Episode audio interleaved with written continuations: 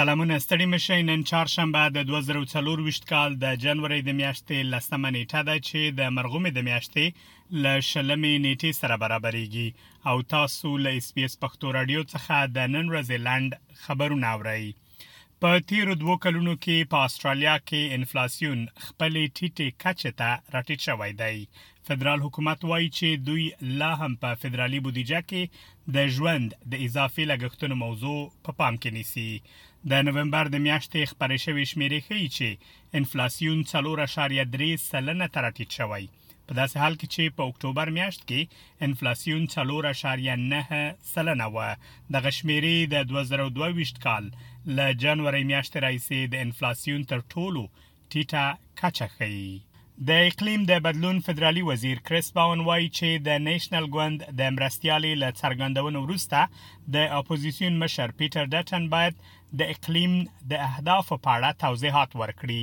د نېشنل ګوند مرستیالې پرن ډیوي ویلي چې حکومت باید د دوه زره او پنځه دېرش د غازاتو کمولو هدف له پامه وغورځوي او پر ځای یې د دوه زره او پنځوس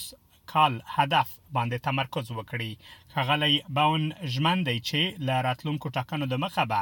د دوه زره او پنځه دېرش د غازاتو کمولو هدف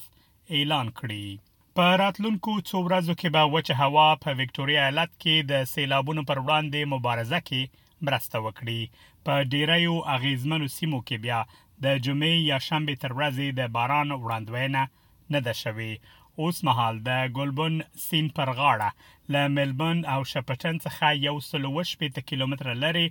د مرچسن سیمه د سیلابونو له ګواښ سره مخته د کوینزلنډ پولیس په یاد ایالت کې د جرمونو د زیاتوالي راپورونه کم اهمیت ښیي تیر کال په دغه ایالت کې له 600 زره څخه زیات جرمونه ثبت شوي چې له 9 سلنې څخه زیات زیاتوالی ښیي د جنسي تیری غلا سوځولو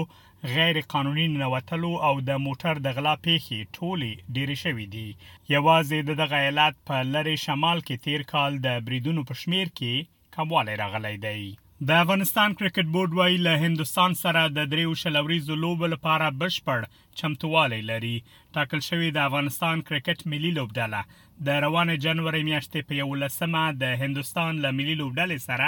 د درېیو شل اوریزو لوبلړۍ پیل کړي. دغه لوبلړۍ د هند په کوربتوب د دغه هېواد په درېیو بېلابېلو نړیوالو لوبغالو کې ترسره کېږي. دا وه د نن ورځې لنډ خبرونه چې ما مجيب منيب تاسو ته وړاندې کړل تر بیا مله مل شه